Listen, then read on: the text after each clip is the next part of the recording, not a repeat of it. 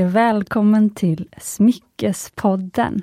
Det här är podden där vi pratar om äkta smycken på ett enkelt sätt och bryter normer som präglat en annars ganska strikt bransch. Idag så bjuder jag på ett bonusavsnitt. Det var länge sedan vi körde ett sådant och jag tycker alltid det är kul att eh, slänga ut något eh, kortare bonusavsnitt ibland. Så idag hade jag feeling, så nu kör vi. Hoppas att ni ser fram emot det också. Och jag fick inspirationen till det här avsnittet efter att precis ha skickat in min andra artikel som jag skrivit för Smyckesforumet, eller Smyckesmagasinet kan man säga, Aurum Forum. Och det är en branschtidning som finns både online och i tryck och som ska hjälpa dig som står utanför smyckesbranschen och även dig som kanske jobbar i smyckesbranschen att lära sig mer om guld, ädla stenar och allt kring den här världen. Och tack vare Smyckespodden faktiskt, så har jag blivit tillfrågad att bli skribent där, vilket jag såklart jätteentusiastiskt tackade ja till. Och jag har alltså precis skickat in min andra artikel. Och den fick titeln 10 enkla steg till en personlig smyckesamling. Och smycken är ju något av det mest personliga som finns. Alltså oavsett vilka smycken som ingår i din smyckesgarderob, så kommer ju din smyckesamling inte vara lik någon annans. Alltså de smycken som vi liksom samlar på oss genom livet, de ser jag som, jag har sagt tidigare i podden, att jag ser dem som små amuletter som vi bär på kroppen och som liksom speglar våra liv. Men om man är helt ny på det här med smycken och ädla stenar, var börjar man? Och Den här guiden, den är till för dig som har ett glimrande intresse för smycken och ädelstenar, men som kanske inte riktigt vet var du ska börja. Och svaret tycker jag är enkelt. Börja med dig själv. Sätt dig bekvämt, brygg en god kopp kaffe, eller en chai latte som jag dricker nu. Och så kommer jag nu gå igenom de här tio tipsen i lugn och ro. Och jag vill att du ska låta dig inspireras till att bygga din framtida drömsmyckesgarderob.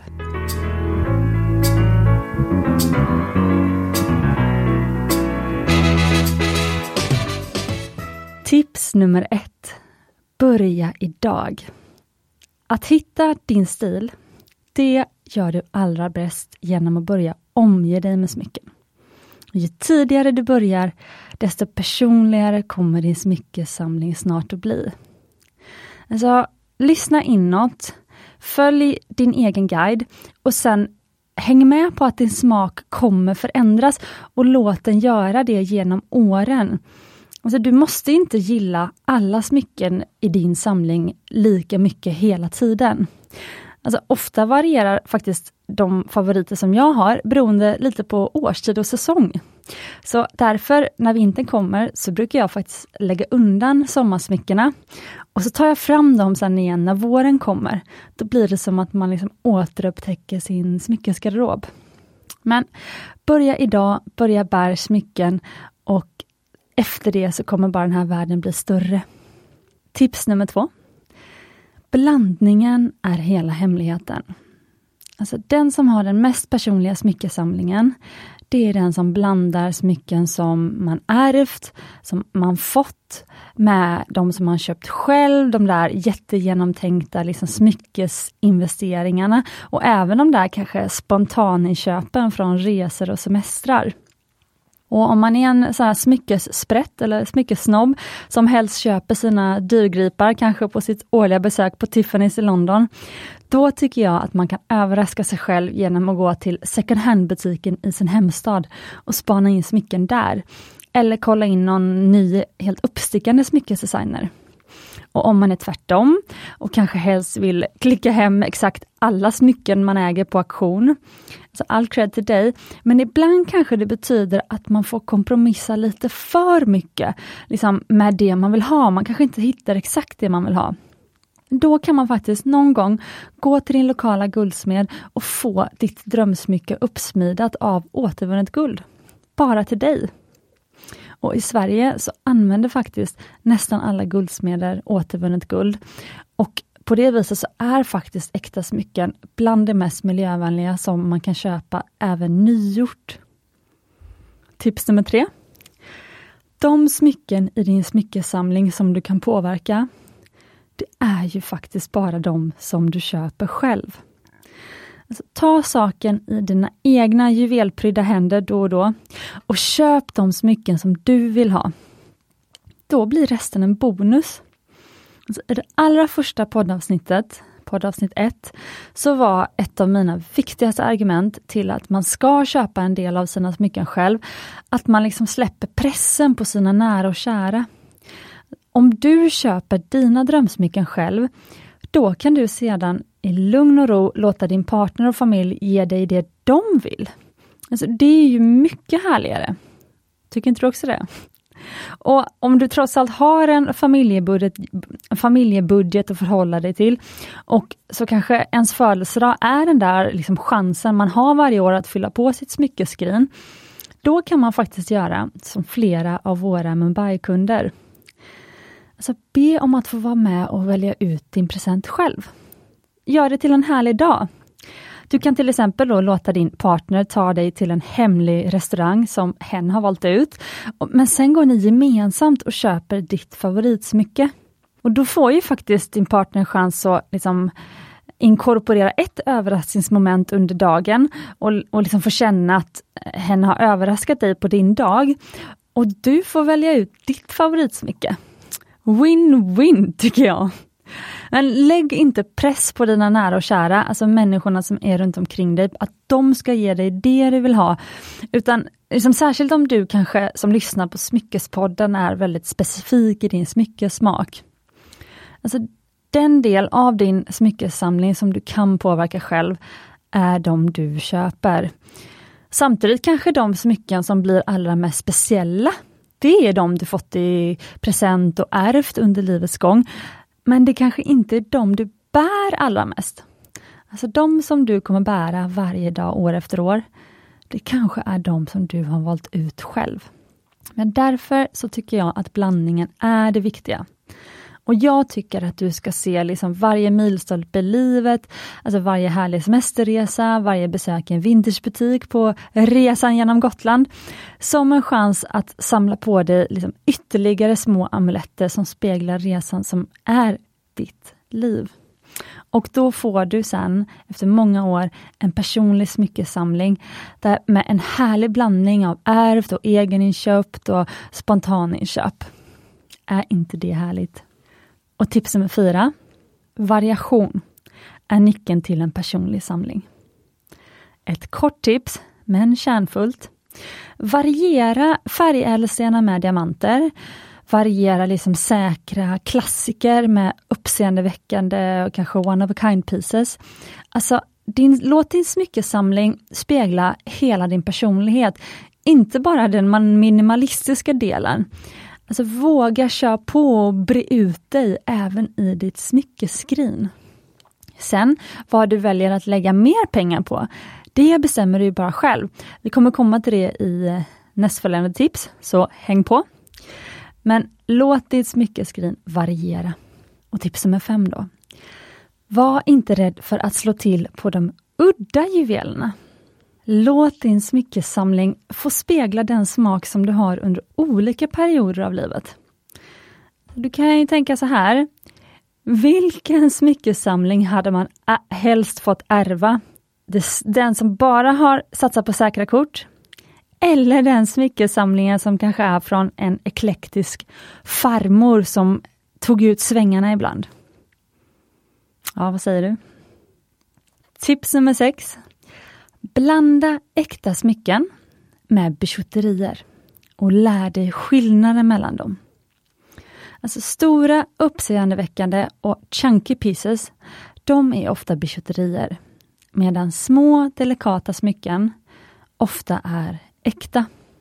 Inte alltid ofta i butik, men om du ser någon som har en väldigt vacker smyckesamling, då har den personen antagligen köpt sina små nätta smycken i, som är äkta, i äkta guld, äkta diamanter och så vidare. Och de där jättestora chunky piecesarna som väger mycket är antagligen ofta bijouterier. Får se om du kommer märka det nu när du tittar på någon smyckesamling. Men genom att lära dig skillnaden mellan äkta smycken och bijouterier, då kan du skapa dig en mycket mer användbar, liksom komplett smyckesgarderob. Och äkta smycken, det är just smycken som är gjorda helt och hållet av ädla metaller. Som till exempel genomgående guld, silver eller platina. Och äkta ädelstenar. Och under de senaste åren så har det blivit populärt att täcka oädla metallsmycken med ett tunt, tunt lager av guld. Det kallas för guldplätering. Jag pratade om det i ett av de allra tidigaste poddavsnitten. Men ofta säljs guldpläterade smycken liksom vid sidan av vanliga äkta smycken, men till ett väldigt mycket lägre pris. Och Problemet med det, det är att den här tunna pläteringen skavs av väldigt snabbt. Och ett par månader senare bara, så kanske det snarare är liksom ett guldrandigt smycke som dinglar runt din handled. Och det är ju själva motsatsen till det som är det fantastiska med äkta smycken. Som är menade att vara lika vackra om hundra år och gå i arv i generationer och så vidare. Det här betyder ju inte att man bara ska ha äkta smycken i sin smyckesamling, men snarare att man ska veta vilket användningsområde varje smycke har. Alltså vilka kan bäras varje dag, vilka kanske inte kan bäras varje dag. Alltså de flesta äkta smycken kan man ju till och med duscha med. Det ska man absolut inte göra med många bijouterier. Men det roliga med bijouterier, det är ju att man får stora smycken för en väldigt liten peng. Och det kan öppna upp en helt ny värld för att vara liksom mer lekfull i sin stil. Man kan låta smyckena få ännu mer uppmärksamhet, man kan bygga på med lager och lager på lager. Och jag själv faktiskt, jag har gärna ett par breda mässingsarmband runt handlederna. Det är liksom mina favoriter, de är skitcoola, speciellt när man har liksom ett på varje handled. Och så matchar jag dem med mina tunna liksom ädelstensringar på fingrarna. Men tänk då på att om du också gillar att blanda upp med bijouterier, så ta hand om dem och utsätt dem inte för liksom slitage i onödan, för då kommer de hålla mycket längre. Kanske hörde avsnittet, senaste avsnittet om hösttrender nu med Jenny Fredriksson. Och hon har ju verkligen lyckats ta hand om bijouterier. Hon hade ju några YSL-ringar som var 15 år gamla som fortfarande såg liksom stunning ut. Så det går. Tips nummer sju. Markera både stora och små händelser i livet med smycken. Alla smycken behöver inte fira en födsel, en så kallad pushgift, eller markera en tioårig bröllopsdag. Alltså jag som varken är gift eller har barn, jag hade ju i så fall fortfarande inte börjat bära smycken om jag hade tänkt så. Och då hade ju absolut inte heller mitt smyckesmärke Mumbai Stockholm funnits. Så låt din smyckesamling spegla hela livet. Blanda de här spontana okynnesköpen med investeringar som firar att du kanske rott i hamn ett tufft projekt på jobbet. Eller att du vill ära en närstående eller att du då gifter dig som dina giftasringar. Men liksom små och stora händelser är ju liksom det som ingår i det som sen liksom är vårt liv. Så låt din smyckesamling reflektera det. Tips nummer åtta. Du måste inte bära smycken överallt. Alltså smycken framhäver ju faktiskt de kroppsdelar som vi bär dem på. Och ett sätt att göra din smyckesgarderob personlig, det är att välja vilka delar av kroppen som du vill framhäva. Och så kör du fullt ut på det. Och mina signatursmycken de senaste åren har faktiskt varit örhängen och ringar. Och Jag har skapat en ear stack i varje öra som jag typ nästan aldrig byter ut. Och då har jag fem örhängen i det ena på rad och sen har jag tre i det andra som faktiskt inte sitter på rad utan de sitter, de är piercade som i en triangel faktiskt.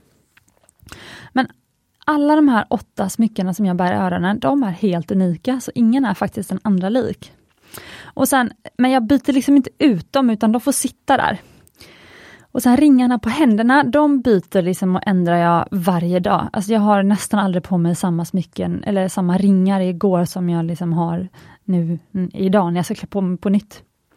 Och vilka smycken som du vill göra till din signatur, det vet ju bara du. Och du kanske inte vet det idag, men det kanske kommer komma allt eftersom du börjar bära smycken. Referera till tips nummer ett nu. Men du kanske vill att en ankelänk runt foten och liksom en hög med armband ska bli din signatur. Man måste inte satsa på en jämn fördelning av de klassiska smyckena, ringar, örhängen, halsband och armband. Kör på din grej och kom ihåg, det finns inget som heter för många ringar, för många örhängen, för många halsband. Kör bara kör. Tips nummer 9. Lär dig om ädelstenar. Alla gröna stenar är inte smaragder. De kan vara turmaliner till exempel. Och alla diamanter är inte vita. Genom att lära dig lite grundläggande om liksom olika ädelstenar, de olika kvaliteterna de har, då kan du sen liksom mycket lättare välja mellan dem. För finns det något tråkigare än vackra smycken som blir förstörda på grund av att man inte har tagit hand om dem på rätt sätt? Så lär dig om de olika ädelstenarna. Du kan eh, lyssna på gamla avsnitt av Smyckespodden. De allra första avsnitten, eh, handla, till exempel avsnitt 4 och 5, handlade väldigt mycket om, vilka, eh, om de olika kvaliteterna på ädelstenar. Men det finns massa fler avsnitt, också de där Johannes är med. Du kan även fråga i butiken där du är, men tyvärr måste jag säga att än så länge så är det väldigt lite information där ute och till och med tycker jag på, på internet kan det vara lite svårt att liksom hitta bland, bland allting. Så Det var ju också därför jag startade den här podden, för jag tyckte det var svårt att liksom få information om det här. Men du som lyssnat på typ alla avsnitt av Smyckespodden, du har den grundkunskapen som krävs, kan jag säga. Men jag tror att du, du har blivit så duktig nu att du, att du kan göra liksom avvägningar mellan de liksom vanligaste ädelstenarna. Du kan även då läsa på Aurum Forum, där finns många artiklar, aurumforum.se. Men du kan faktiskt välja vilka ädelstenar du vill i dina smycken, alltså så länge som du vet skillnaden mellan dem. Till exempel, du är på jakt efter din störst, nästa stora smyckesinvestering och så väljer du mellan diamant, safir och smaragd. Då bör du vara medveten om att smaragden är skörare än både diamant och safir. Smaragden tål absolut inte hårda stötar. Så om du vill bära din ring till exempel varje dag, om det är en ring du är ute efter, och så är du, som jag, inte den mest försiktiga personen, då kanske du borde välja olivgröna safirer istället. Eftersom safirer är tåligare. Eller så väljer du smaragd för att du älskar just den där mörkt smaragdgröna färgen som är så unik för smaragden. Men så bestämmer du dig för att alltid ha med dig en liten ask i väskan som du kan förvara ditt smycke i om du behöver ta av dig det. Och att du även lämnar in smycket för service i ateljén oftare. Och ju mer du lär dig om ädelstenar, desto längre kommer dina smycken hålla sig vackra. Ett annat exempel. Du kanske har siktat in dig på en ring med en stor vit sten, eller en halsbandsberlock kan vi också säga. Och så funderar nu du på om du ska välja en diamant eller en vit topas. Och då bör du ha med dig i bakhuvudet att diamanten är unik, bland annat för att den har så fantastiska ljusreflekterande egenskaper. Det gör att den skimrar helt magiskt. Och även när en diamant blir lite smutsig så kommer den att gnistra. Till skillnad från topasen som blir matt så fort den blir lite smutsig. Men sen så finns det så här. Om du ändå hade planerat att kanske välja en rektangulär slipning på stenen, till exempel en smaragdslipning, som i det här fallet är namnet på en slipning och inte på stenen. Men då kanske det inte gör så mycket att stenen inte gnistrar så mycket eftersom smaragdslipningen inte liksom framhäver briljans hos någon ädelsten. Och Då kan du välja den, den här härliga topasen, kanske till och med kan slå till på en riktigt stor karat. Och så får du ringen till liksom en bråkdel av priset jämfört med om du hade valt en diamant. Och antagligen hade du dessutom tvingats gå ner flera karat i storlek för att matcha din budget om du valt en diamant. Så, och liksom alla sådana här avvägningar kring budget och utseende och hur och när man planerar att använda sina smycken, de är mycket lättare att göra så fort du har lite mer kunskap. Tips nummer 10. Grand final. Ha en plan och ändra den under tiden. Pinna dina drömsmycken på en board på Pinterest och fyll på den. Rensa och ta bort pins som blir inaktuella allt eftersom din smak utvecklas. Alltså fördelen med att göra smycken till ett intresse på det här viset, det är att det hjälper dig att utveckla din egen smak och att lära känna dig själv. Och när du gör den här omedvetna researchen, eller medvetna, men då smalnar du av vad du vill ska ingå i din smyckeskollektion på sikt. Och Då är det sen lättare att slå till när du liksom dyker på det rätta smycket i verkliga livet. Men vi alla vet ju att planer sällan hålls, man stöter på sin drömring som inte alls såg ut som man tänkt. Och då ska man också slå till.